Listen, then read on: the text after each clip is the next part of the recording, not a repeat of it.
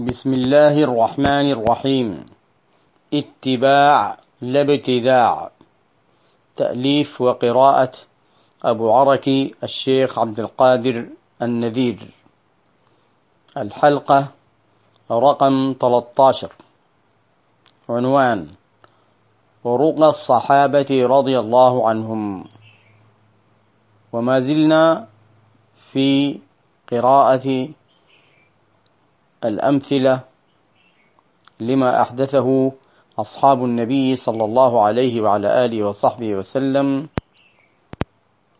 في حياة النبي صلى الله عليه وعلى آله وصحبه وسلم. عن جابر رضي الله عنه قال أرخص النبي صلى الله عليه وسلم في رقية الحية لبني عمرو. قال أبو الزبير وسمعت جابر بن عبد الله يقول لدغت رجلا منا عقرب ونحن جلوس مع رسول الله صلى الله عليه وسلم. فقال رجل يا رسول الله أرقي. قال من استطاع منكم أن ينفع أخاه فليفعل. أخرجه مسلم. رقم 2199 والشاهد الإجازة من النبي صلى الله عليه وعلى آله وصحبه وسلم. لهذا الرجل أن يرقي. والحديث نفسه تقدم فيه أن النبي صلى الله عليه وسلم أرخص في رقية الحية لبني عمرو. وعن عوف بن مالك الأشجعي رضي الله عنه قال كنا نرغي في الجاهلية. فقلنا يا رسول الله كيف ترى في ذلك؟ فقال اعرضوا علي رقاكم. لا بأس بالرقى ما لم يكن فيه شرك. أخرجه مسلم رقم 1200 فنحن نرى هنا أن النبي صلى الله عليه وعلى آله وصحبه وسلم أجاز هذه الرقية التي أحدثها الصحابة رضي الله عنهم بل هذا الصحابي ذكر رقية كان يرقي أو كانوا يرقون بها في الجاهلية فوضع لهم النبي صلى الله عليه وسلم هذه القاعدة لا بأس بالرقى ما لم يكن فيه شرك. مثل القاعدة التي مضت في الحديث الأول من استطاع منكم أن ينفع أخاه فليفعل.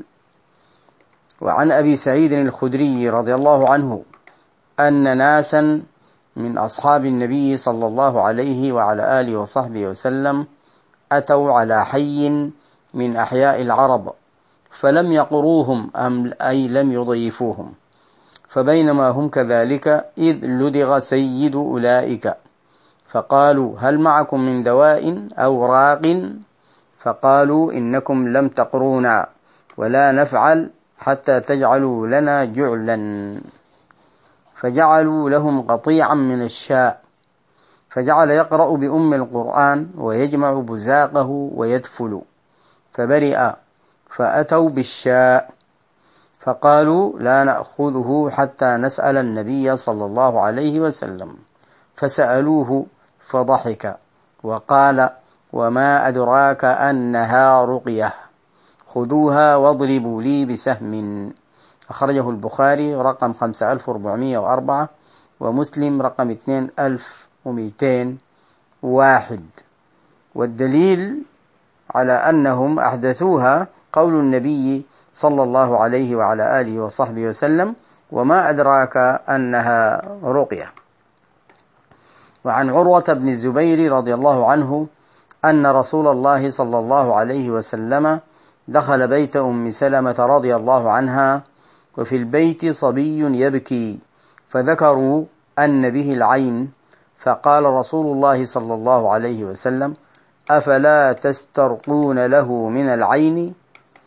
أخرجه مالك في الموطأ في باب الرقية من العين 1681 ووصله ابن عبد البر عن أم سلمة رضي الله عنها فقد أحال النبي صلى الله عليه وعلى آله وصحبه وسلم الرقية إلى أصحابه رضي الله عنهم.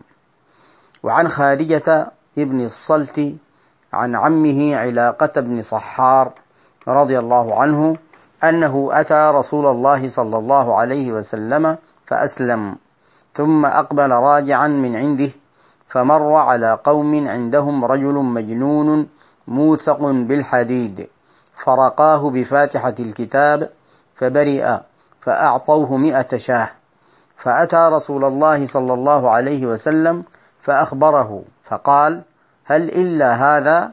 فلعمري لمن أكل برقية باطل لقد أكلت برقية حق. وفي رواية فرقاه بأم القرآن ثلاثة أيام غدوة وعشية كلما ختمها جمع بزاقه ثم تفله. أخرجه أبو داود رقم 3420 و 3896 و 3897 وسكت عنه فهو صالح على مصطلحه. ففي هذا الحديث إحداث الرقية وإحداث الكيفية التي يرقي بها حتى وحتى إحداث عدد الأيام التي يرقي فيها. وأجاز النبي صلى الله عليه وسلم بل أثنى على تلك الرقية فقال لقد أكلت برقية حق ونواصل إن شاء الله تعالى.